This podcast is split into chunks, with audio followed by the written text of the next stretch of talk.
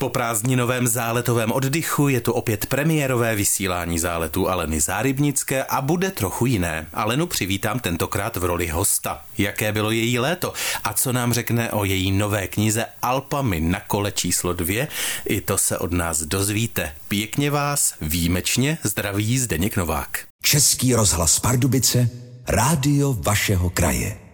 Tak před chvílí jsme to řekli. Posloucháte zálety s Alenou Zárybnickou. Pěkně vás zdraví ještě jednou Zdeněk Novák. A vítám Alenu ve studiu. Ahoj. Na druhé straně mikrofonu je to paráda. Děkuji za pozvání. I tam ti je dobře. Moc. Vzpomínáš si, i před rokem jsme se takhle setkali po prázdninách. Ano, já si myslím, že je to dobrý způsob, jak odstartovat další série záletů. Já, když jsem chystala své první záletové hosty teď, tak jsem se dívala a skutečně my jsme začali vysílat zálety už v roce 2015, Dendo. Takže od roku 2015 sedmá série v lednu jsme začínali. Eh, už několikáté prázdniny jsme takhle reprízovali a chystali tu novou sérii. A vzpomínáš si, jak jsme v loni začali naše povídání v Vůbec září? ne. Já jsem zašustil taškou a předal ti dárek od mé maminky sadu domácích marmelád, takže i letos tady pro tebe jsou. Myslím, že je tam zase ta jahodová, která ti tolik chutnala s vanilkou. Nádherný, kdybyste to viděli a kdybyste měli možnost to uchutnat, eh, cítili byste se stejně blaženě a stejně blaženě byste hovořili jako já. To děkuju moc krát. Teď si posluchačky, není zač, říkají, však ona je šlank, musí obléknout šaty v televizi, ta si žádné sladkosti nedává a marmelády zbodneš salžičkou kolikrát. Marmelády, slaninu, ne úplně libové maso. Já jsem přijala takovou životní filozofii, která říká, že to, co sníš s radostí, ti ublíží, myslím, tvé figuře, tvé postavě méně, než to, co sníš s odporem, byť by to bylo sebezdravější. Ale je pravda, že v určitém věku, dámy, jistě to znáte, prostě po 50 se tělo přijímá jinak potraviny, jinak je vylučuje, zkrátka chová se k tomu, co s ním děláme úplně jinak, než se chovalo třeba jenom před pár lety a je třeba tenhle ten okamžik nepromeškat a nastoupit včas s tím, že aspoň o tom začínám víc přemýšlet. To ano, ale myslím si, že vlastně ty nemáš problém, protože eh, sice si ráda dáš sladké a cokoliv, ale tobě je pohyb vlastní, ráda se hýbeš, ráda chodíš po horách, takže je na místě otázka, jestli letošní léto, které je za námi, bylo u tebe aktivní a dala jsi někde do těla, po případě kde? Já jsem si dala nejenom do těla, ale já jsem si dala i přes pusu. Když se mi nepodařil jeden sjezd nebo jedna jízda eh, na kole. Eh, Byli jsme, cestovali jsme obytným autem po Alpách, abychom zkontrolovali, jestli se třeba něco nezměnilo v trasách, které popisujeme, třeba i v té knize, o které byla řeč. A sjížděli jsme dolů z Brně na pasu po takovém trailu eh, směrem dolů do Tyrána eh, a tam přišel jeden moment, kdy to pro mě už bylo příliš náročné. Neříkám, že je to náročné pro každého. Já eh, nejsem vůbec dobrý cyklista ve smyslu sjíždění a nakonec ani ve smyslu šlapání nahoru, ale dělá mi to zkrátka radost. A zkrátka se mi šprajclo přední kolo a šla jsem přes řídítka, dopadlo to docela dobře. Vyceň zuby, dobře to dopadlo. Mám je všechny cvakám, což byla první věc, kterou jsem kontrolovala hned eh, po tom pádu. Pak jsem zjistila, že když chci ukázat palec nahoru, takže to na levé ruce úplně přesně nefunguje a nejde. A když jsem si pak chtěla otřít prach a pot z čela, tak jsem zjistila, že mám plnou uh, rukavici uh, krve, ale vlastně jsem si tu bolest ani neuvědomovala, dokonce jsem ještě pak kousíček jela. Zkrátka občas si člověk eh, musí dát eh, nejenom do těla, ale i přes pusu, aby pochopil, kde jsou jeho meze.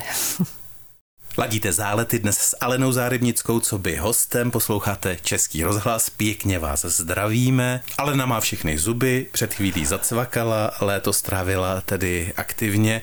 No, mě zaujala ta věc, pojďme se u toho zastavit a hodně mě to láká, že si říkala, byli jsme s obytňákem, s obytným vozem na cestách v Alpách. Dej nám takový manuál, jak se to dělá, protože myslím, že zálusk na to má hodně z nás i v době, kdy ubytování, hotely zdražují a tak. Hmm. Je to nádherný způsob cestování z mého úhlu pohledu už jenom proto, že si trasu můžete na poslední chvíli vybrat podle počasí, tak abyste nemokli, eh, aby vám zkrátka bylo dobře i venku. což je první bonus za mě. A druhý obrovský bonus pro každého, kdo má napevno naplánovaný diář. Ví zkrátka na třeba i rok dopředu, co v té dané minutě, co v té dané vteřině bude dělat. A takhle má naplánovaný ten čas třeba i pro následující den. A najednou přijde doba, kdy můžete ten časosled zahodit a kdy prostě tam, kde je vám dobře, budete zůstávat tak dlouho, jak dlouho tam budete chtít být. A to je pro mě největší odpočinek ve smyslu jak od té meteorologie, tak i od toho přesně naplánovaného a stanoveného každodenního harmonogramu, že najednou nastává okamžik, kdy si zkrátka eh, můžu rozmýšlet na poslední chvíli, co chci, eh, kdy můžu zahodit hodinky a kdy mě vlastně zajímá jenom konečný čas eh, toho mého příjezdu a okamžik, kdy budu vracet to obytné auto. Napadá mě taková praktická věc, pokud bych si chtěl s takovým obytným autem naplánovat cestu, tak za prvé, bál bych se to řídit, protože to je obr. Eh, není tomu tak, pokud jezdíte normálně klasickým autem, tak to auto do 3,5 tuny se svým řidičákem řídit můžete. Eh, můžete začít třeba u menší dodávky, která je upravená vlastně pro to bydlení, vestavná výbava, a nebo si potom troufnete na auto větší, pokud třeba dodávku řídíte v běžném životě. Sladíte se velmi rychle. No, neměla si strach za to sednout? Ne, ne, ne, já jsem vlastně už i tím, že jsem někdy v době po revoluci si udělala i c řidičák, tak bych teoreticky mohla řídit i auta nad 3,5 tuny. Jako kamion. Nákladáky, nákladáky, eh, auta tedy, která váží nad těch 3,5 tuny, což některá obytná auta takhle velká jsou, ale ty, která se běžně půjčují, se vlastně většinou vejdou do 3,5 tuny proto, aby je mohl řídit každý. Souhlasíš s titulkem článku z dnešního rozhovoru, ale na Zárybnická by mohla řídit i kamion? No, když řídí sama sebe, mohla by řídit i kamion.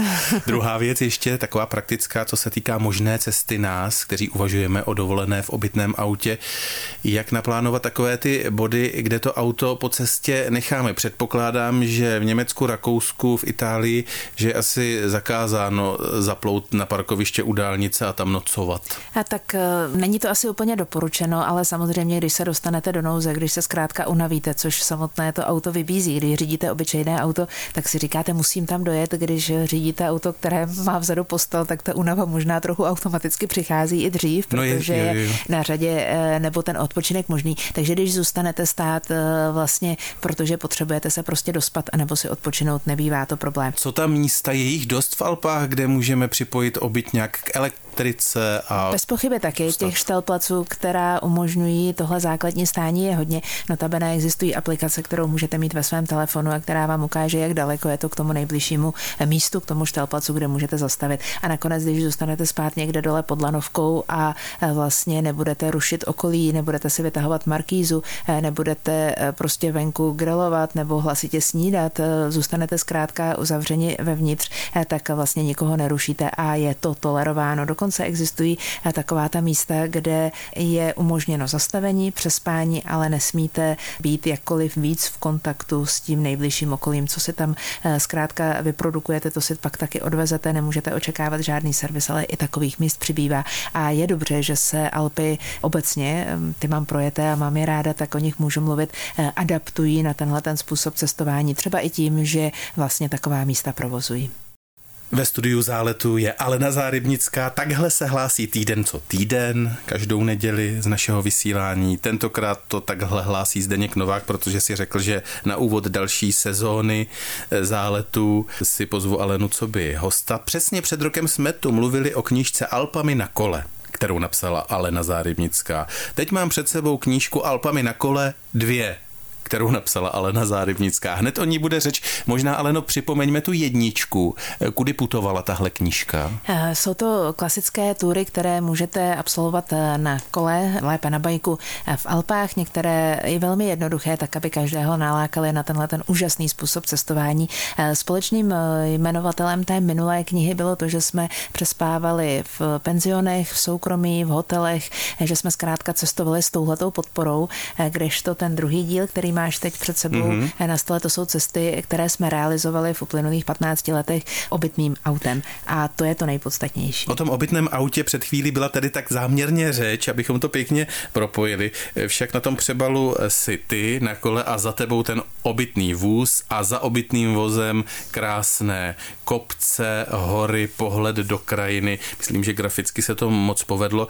Pod tím tedy pod titul Jízda mi dává balans a zastavení víc než English jen nový cíl. Je to 37 tras a země tedy Itálie, Rakousko, Švýcarsko, Francie a Německo. To je možná výhoda toho obytného vozu. Ve Švýcarsku je nesmírně draho, tak se to tolik s obytným vozem ve Švýcarsku neprodraží. Hmm, určitě a hlavně ve Švýcarsku, které je teda překrásné a já tu zemi miluju, můžete mít maličkou možná komplikaci v relativně drahých datech. Tam, protože to prostě evropské je uspořádáno tak, jak je, tak máte složitě možnost eh, něco dohledávat, něco dohledávat na místě, protože data jsou prostě extrémně drahá. Eh, na druhou stranu ale je tam rozsáhlá síť Wi-Fi připojení, ke kterým se můžete bezplatně připojit a to podstatné, to podstatné si tam najít. Tak eh, jenom tenhle ten, řekněme, možná komplikace pro někoho, kdo to neví dostatečně dopředu, ale vybírat můžete z jakékoliv evropské země, alpské země, jako to je v tomto případě a myslím, že fakt nebudete zklamáni. Za prvé, co se týká toho druhého dílu. V jedničce se mně moc eh, líbilo, že v každé kapitole byl i nějaký recept eh, na nějakou dobrotu na té trase. Je to i případ druhého dílu. Ano, toho se držím. Dobře, tak eh, hned se podíváme. A teď řekni tedy číslo, ta kniha má 15 kapitol, od jedničky do patnáctky. Hmm. Já si bohužel pamatuju, co je která. Jo, tak. Tak, tak to naopak řekni ty číslo. Dobře, dobře, dobře, zavírám oči. Řeknu třeba 13 nešťastných, jo. 13. strana 183 nalistuju. Počkej, kde to má číslování? Tady. Já skutečně teď tu knížku vidím, ty si ji ještě teplou přinesla poprvé. 183. A máme tu Francii od Verdenu ke svatému grálu vrchařů Tour de France. Mm-hmm. Mm-hmm. A to byla krásná cesta, kterou jsme absolvovali v loni v říjnu. Bylo to v době, než se Francie znovu před další vlnou covidových eh, opatření a restrikcí uzavřela. A my jsme měli to štěstí, že jsme začali dole na pobřeží, na Azorovém pobřeží, projeli jsme Santropé a já u moře nevydržím dlouho, to je o mě mm-hmm. známo, takže jsme záhy zabočili do hor a je, projeli jsme kolem Verdonského kanionu a postupně jsme se posunuli až právě do oblastí, kudy se jezdí Tour de France, abychom třeba eh, mohli navštívit ta slavná alpská sedla, kudy ta eh, trasa projíždí. A musím říct, že to byla jedna z nejpoutavějších cest už jenom proto, že jsme vlastně cestou nikoho nepotkali, protože už se ve Francii znovu chystaly všechny možné restrikce. My jsme byli tehdy v autě tři holky a na celou tu cestu jsme potkali lidi, živé lidi, jen výjimečně, když jsme se eh, zastarali o to s nimi v nějakém kontaktu být. No my nemůžeme odbít tuhle knížku Alpami na kole dvě jedním vstupem. Za chvíli v ní budeme listovat znovu. Posloucháte Zálety. Český rozhlas Pardubice, rádio vašeho kraje. Ladíte zálety, dnes ale Zárybnická v roli hosta. V tuto chvíli listujeme v tomhle pořadu knížkou Alpami na kole dvě, protože ta jednička se dočkala tedy své sestřičky. Já jsem zmínil, že mě na té jedničce, a je to i v té dvojce, moc baví, že i v každé kapitole, eh, kde je popsaná trasa, vidíte to tady na mapě, všechny praktické informace, QR kódy, že si to um, načtete do mobilu, třeba některé ty trasy, takže nechybí recepty. Gurmánská specialita, byli jsme v té Francii, palačinky výsledek gastronomické špionáže a je tady i jejich fotka. To je autentická fotka francouzských palačinek přímo z cest? Mm-hmm.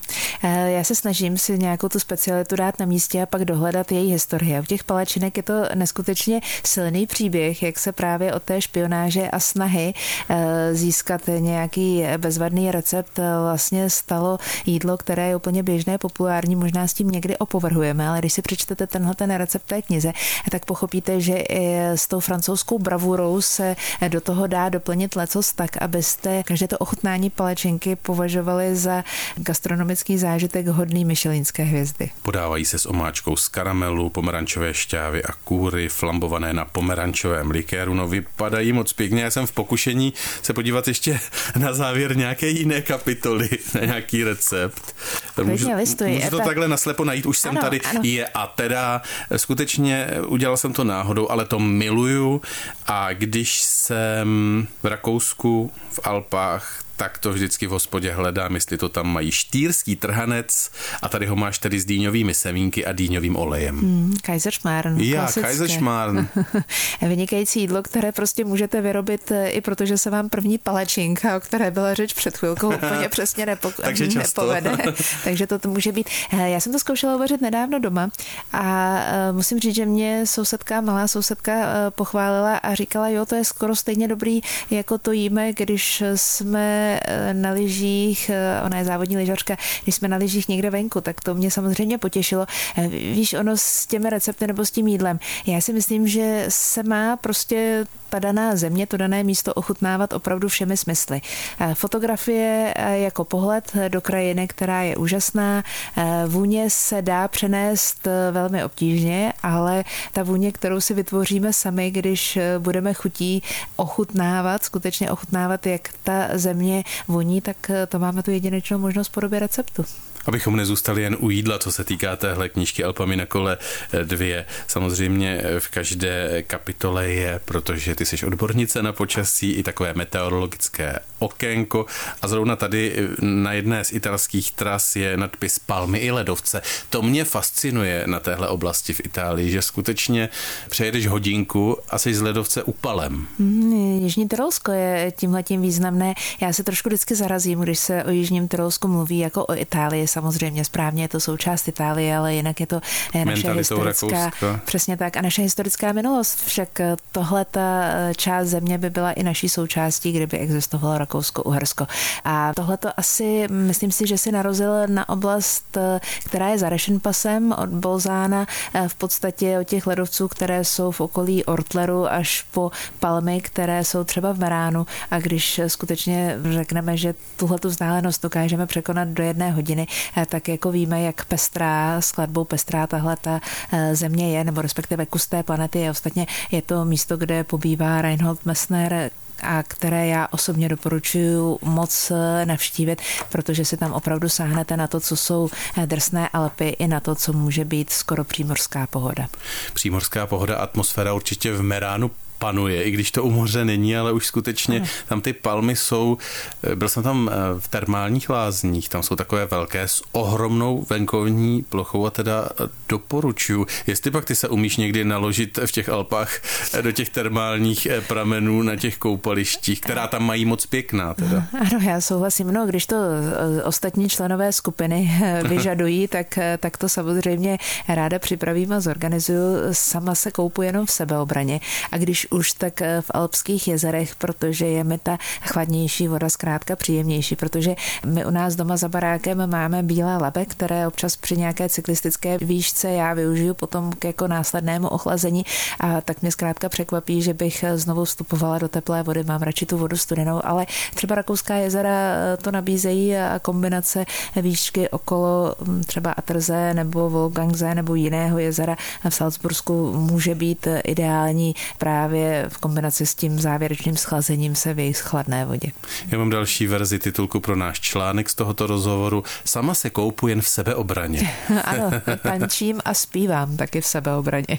Zálety Aleny Zárybnické dnes s Alenou v roli hosta. Moc pěkně jsme si před chvílí povídali o cestování po Alpách, však Alena vydala už druhý díl knížky Alpami na kole, takže jestli jste té nátury rádi cestujete a máte tyhle kouty rádi, tak určitě doporučujeme se podívat na knížku. A, a já doplním, pokud nemáte touhu projet si to dané místo na kole, protože prostě kolo třeba není váš způsob pohybu, část tras můžete projít i pěšky. A pokud ani to nemáte, tak můžete nad knihou prostě jenom snít, protože eh, jsem se snažila vlastně, aby to nebyl vůbec strohý popis, zahněte doleva, zahněte doprava, i když se tam ten návod taky objevuje, od toho. Tam máme ty QR kódy, které nás na trasu automaticky nasměrují, ale eh, spíš jsou to příběhy, příběhy ehm, toho, co jsem tam potkávala a jak to na mě ve výsledku působilo, tak spíš než klasický cestopis je to takové rozjímání se nad Alpami, tak eh, to si můžete užít i bez toho, aniž byste na kolo třeba chtěli vyrazit. Určitě. No listuju tady, teď bych nejraději to na chvíli vypnul, pustil hudbu a listoval dál, ale na to bude čas určitě eh, po vysílání. Když takhle jezdíš po těch Alpách, si na horách, v kopcích, neříkej že nemáš ráda i ta alpská, ať už rakouská, italská, švýcarská městečka. To jsou tak malebná. Někdy si říkám, proč my to neumíme taky tak. No, to je těžká otázka, ale tak třeba se i u nás časem něco změní, když v té stávající době asi budeme mít úplně jiné priority, to je velmi podstatné říct. Každopádně mám je ráda, vydržím tam procházkovat, jsem spořádaný cyklista kolo v takovém případě vedu, abych jaksi někomu dalšímu nepůsobila nějaké potíže a přemýšlím, kdybych měla vypálit jedno jediné městečko, no, no které no, no, by no, mi no. naskočilo. Ať už Německo, Rakousko, Itálie, Francie. Mně se třeba líbí Mittenwald, ano. Ale tím ti nic nepodsouvám. Ano, ano, Mittenwald je úžasný, tam se dá zastavit, když jedete eh, krásnou trasu kolem Cukšpice, tak se můžete zastavit Mittenwaldu. Navíc Mittenwald má tu velkou výhodu v tom, že je dobře dostupný, že eh, vlastně jste je kousíček za Mnichovem. A kousek a, Rakousko od tamtu? A kousek Rakousko, protože můžete zastavit v Erwaldu. Ano, Mittenwald, Erwald eh, budíš jako dobře přístupná a nám blízká města nebo místa, kde, kde můžeme zastavit třeba i na cestě někam dál, co což je za mě taky podstatné udělat si zkrátka, ale zvlášť pokud jedete obytkou tu pauzu eh, na tomhleto místě. A než ty si nadhodil uh, tahle ta dvě města, tak mi běželo hlavou ještě jedno a teď si rychle musím vzpomenout. Bude to možná znít zvláštně, ale mně se líbilo v Cannes a v Saint-Tropez. Jo, protože tam to má zase úplně jinou atmosféru. A důvod, úplně ten nejpodstatnější no. byl, že tam nikdo nebyl. Že my jsme viděli prázdné Santropé a prázdné Kán a že jsme si jenom vlastně představovali, jak to tam musí vypadat skutečně v té sezóně, když jsou tam davy lidí. A představ si, že procházíš po tom nábřeží, díváš se na otisky rukou slavných herců, kteří eh, v Kán byli, eh, vzpomínáš na tu historii eh, toho místa, vzpomínáš na to, proč tam bylo vybudováno letiště, jak se se tam odvíjely první ročníky festivalu a zároveň nepotkáš vůbec nikoho a můžeš si to město užít. Já, pokud bych mohla doporučit, tak eh, ta města, místečka, vesničky navštěvujte v okamžiku, kdy tam není eh, bujarý cestovní ruch a kdy si to můžete nechat dopadnout eh, na to vlastní já a vlastně si ve své fantazii to místo nějak napevno uložit. I za cenu toho, že se asi nekoupala, když si tam byla mimo sezónu tak moři. Toho, jsem, toho já vlastně nelituju, pro mě je to vlastně jako dost dobře, že do toho moře nemusím. Protože se koupeš jen v sebeobraně, jak jsme ano. se dozvěděli. Ale protože bylo 20 stupňů Celsia, to moře mělo asi 18, tak kdybychom měli, bývali, byli víc času, tak bychom si určitě na nějaké to zaplavání se a protažení se našli čas. V Monaku jste se stavili v Monte Carlo? Eh, míli jsme ho, protože jsme zamířili právě směrem na sever už do hor a eh, myslím si, že pro mě Santropé a Kán eh, stačilo. Monako, o tom jsem hodně četla, protože mě zajímá samozřejmě příběh monackého knížectví a protože jsme byli na samotné hranici, tak už jsme do toho přístavu, kde stály ty jachty a, a lodě a, a kudy projížděla ta, ta velmi drahá luxusní auta, mohli nahlédnout, ale já se přiznávám, že v ten okamžik eh, tak trošičku ztrácím radost z toho konkrétního místa, když je na první pohled zaplněno tím okázalým luxusem. Já bych tam zase musela přijít asi nějakou jinou branou, jinou cestou, tak abych si dokázala třeba užít atmosféru toho knížectví jako takového, dokonalého v dnešní době, a abych si dokázala užít atmosféru toho místa. Český rozhlas Pardubice, rádio vašeho kraje. Ladíte zálety, jdeme do finále s Alenou Zárybnickou dnes, eh, co by hostem, nebo chcete-li hostkou v tomto pořadu. No, to bychom nebyli správné zálety, aby nebyla řeč o dalších vydáních, která už budou v tvé režii. Pozveš si zajímavé hosty, ale pojďme se ještě narychlo ohlédnout. Hodně úspěšných hostů bylo i v minulé sezóně záletů před prázdninami. Hodně lidí reagovalo a poslouchalo na internetu rozhovor s Danielou Drtinovou, Janou Peroutkovou, tvými kolegyněmi ze spravodajství a novinářkami. Ale já si přece jenom vzpomínám na jednoho muže, jehož jméno se teď hodí říct, protože v pondělí startují případy prvního oddělení třetí série. Třetí série Josef Mareš, no to je pecka neuvěřitelná, protože eh, všichni víte a novináři kolegové jistě taky moc dobře ví, že Josef Mareš eh, rozhovory nedává, že se vyhybá té mediální publicitě, že zůstává v ústraní a nám se díky šťastné náhodě a šťastné hvězdě a mému spolužákovi eh, z Matfizu Michalu Rosíkovi podařilo termín a podařilo se mi s Josefem Marešem mluvit. Nesmírně silné setkání, nesmírně výrazná osobnost a musím říct, že je to jeden z rozhovorů, který si budu připomínat navždycky. Jeho pohled, jeho noblesa při odpovídání a to, jakým způsobem si skutečně jako bývalý vyšetřovatel dokáže skládat ty jednotlivé věci, ty jednotlivé body dohromady, tak to pro mě byl silný zážitek. A protože po něm následoval rozhovor s Danielou Drtinovou, tak eh, on kladl otázku Daniele Drtinové a ta otázka byla nesmírně roztomilá, protože se jí prostě úplně obyčejně lidsky zeptal, eh, jestli eh, jí nevadí, že k ní do pořadu ještě nepřišel a jestli už mu odpustila, že k ní do pořadu nepřišel. Čímž jasně bylo potrženo to, jakou kliku jsem měla já, že, že proti přišel. mě seděl Josef Mareš. No tak mrkněte na náš audioportál Můj rozhlas.cz a třeba právě ještě než odstartují další případy prvního oddělení si rozhovor Aleny s expolicistou, s exkriminalistou Marešem můžete pustit. Stačí na můj rozhlas.cz zadat zálety, ono vám to tam naskočí. No a teď je před námi další, dá se říct, divadelní sezóna záletů. My už některé díly máme připravené, natočené. Šli jsme trošku po té vlně oblíbenosti tvých televizních kolegyň, protože právě třeba Jana Peroutková, Daniela Drtinová, to byly hodně poslouchané rozhovory, takže jsme pozvali třeba i Barboru Krouškovou, a nebo už uslyšíte příště Světlanu Vitovskou. To už je natočeno, co bys o tom řekla, ale no čím bys nalákala. Hodně jste se smáli při tom rozhovoru. Ano, protože smích a naprostá přirozenost a uvolněnost je pro Světlanu naprosto typickou vlastností. Ona ve studiu, pokud mluví se svými hosty a máte pocit, že je to prostě úplně běžné povídání u kávy, které je ale velmi důsledné a přísné ve svém výsledku, tak ona taková je. Ona bezprostředně žije a bezprostředně klade otázky. A to naše setkání bylo bezprostřední ze vším všude, co si pod slovem bezprostřednost dokážete představit. Pro mě to je trošku komplikované. Představte si, že Světlana odvedla stovky rozhovorů, eh, že vlastně Světlana eh, moderovala závažná témata, závažné politické diskuze, nakonec prezidentskou debatu před lety. Tak eh, vlastně já jako meteorolog sedím oproti člověku, jehož denním chlebem je vedení rozhovoru. A jestli každý nechvalně hodnotí nějaký moment rozhovoru, tak je to, když odpovídá na stejnou otázku.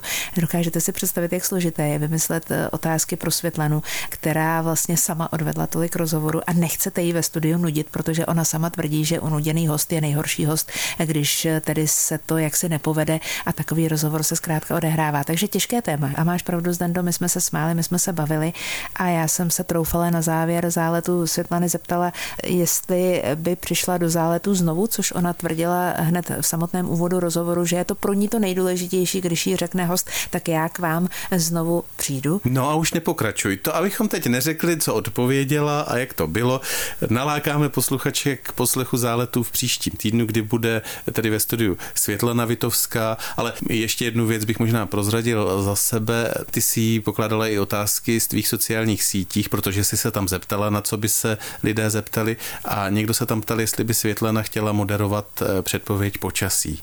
A ta odpověď od ní byla kouzelná. Počasí bych moderovat nechtěla, protože bych byla trapná. A ona naopak obdivuje zase eh, tvoji práci a tvůj druh moderace v české televizi. Mohli bychom lákat dál ultracyklista Polman, meteorolog, ale teď hodně ten, který se zabývá asistenčními psy, pan Metelka. Výcvikem asistenčního psů, to je velké téma, no. Já jsem sama byla překvapená, jaké úsilí to bych snad ještě pochopila, ale kolik lidí se tomu eh, u nás věnuje a jak ta pomoc je vlastně pro každého, kdo má nějaký handicap důležitá. Takže půjdeme i po těch eh, sociálních tématech, která myslím si, že zvlášť v současné době mají velké místo a měla by upoutávat eh, naší pozornost. Já bych to udělala bez těch okolností, ale protože mě to prostě zajímá. Ale těch hostů je tam celá řada. Dva piloti tam budou, no neprozrazujme, nechte se vždycky překvapit, my vždycky poutáme v závěru každého dílu na ten další. Ale no, ty sleduješ, že se dívám významně na hodiny ve studiu, budeme muset končit. Já prostě získávám v rozhlasovém studiu pocit, že čas je tou nejzásadnější, absolutně relativní veličinou. A časové znamení je tím hodně důležitým a to prostě zapípat musí. Zdeněk Novák v záletech na úvod další sezóny vysílání tohoto pořadu přivítal moderátorku tohoto projektu Alenu Zárybnickou. Tak hodně úspěchů. Bez tebe a bez Ivanky Frémutové by to v záletech nefungovalo tak, jak to klape. Já díky skvělému týmu se můžu potkávat se skvělými lidmi a za to patří poděkování vám. Jdeme na kafe. Naslyšenou. Tento pořad si můžete znovu poslechnout v našem audioarchivu na webu pardubice.rozhlas.cz.